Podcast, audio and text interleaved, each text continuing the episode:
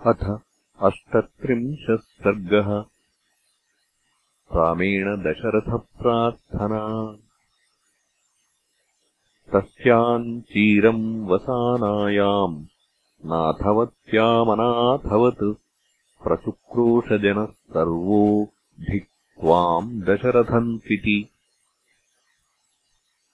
तेन तत्र प्रणादेन दुःखितः स महीपतिः चिच्छेदजीविते श्रद्धाम् धर्मे यशसि चात्मनः।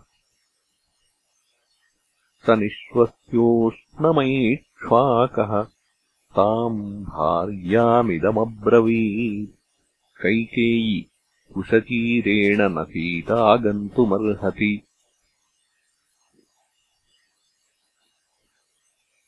सुकुमारी च बाला च सततम् च सुखोचिता। नेयम् वनस्य योग्येति सत्यमाह गुरुर्मम इयम् हि कस्यापकरोति किञ्चित् तपस्विनी राजवरस्य कन्या या चीरमासाद्य जनस्य मध्ये स्थिता विसञ्ज्ञाश्रमणीव काचित् चीराण्यपास्याज्जनकस्य कन्या। नेयम् प्रतिज्ञा मम दत्तपूर्वा। यथा सुखम् गच्छतु राजपुत्री। वनम् समग्रा सह सर्वरत्नैः। अजीवनार्हेण मया नृशंसा कृता प्रतिज्ञानियमेन तावत्। त्वया हि बाल्यात् प्रतिपन्नमेतत् तन्माम् दहेद्वेणुमिवात्मपुष्पम्। रामेण यदि ते पापे किञ्चित्कृतमशोभनम् अपकारः कैहते वैदेह्यादर्शितोऽधमे।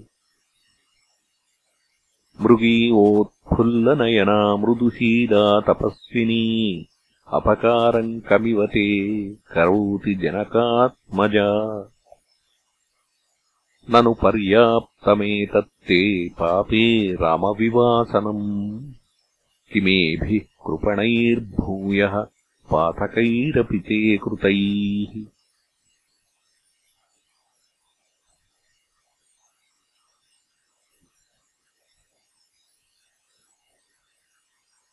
प्रतिज्ञातम् मया तावत् त्वयोक्तम् देवि शृण्वता। रामम् यदभिषेकाय तमिहागतमब्रवीः तत्त्वेतत्समतिक्रम्य निरयम् गन्तुमिच्छसि मैथिलीमपि याहि त्वम्। ईक्षसे चीरवासिनीम् इतीव राजा विलपन्महात्मा शोकस्य नान्तम् स ददर्श किञ्चित्।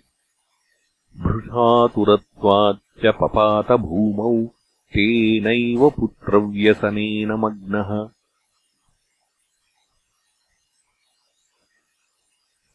एवम् ब्रुवन्तम् पितरम् रामः सम्प्रस्थितो वनम्।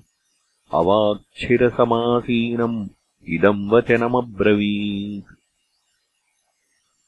इयम् धार्मिक कौसल्या मम माता यशस्विनी वृद्धा चाक्षुद्रशीला च न च त्वाम् देवगर्हते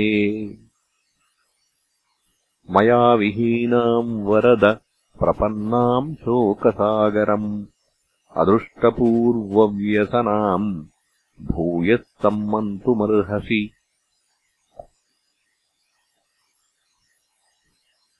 पुत्रशोकम् यथा नच्छेत् त्वया पूज्येन पूजिता।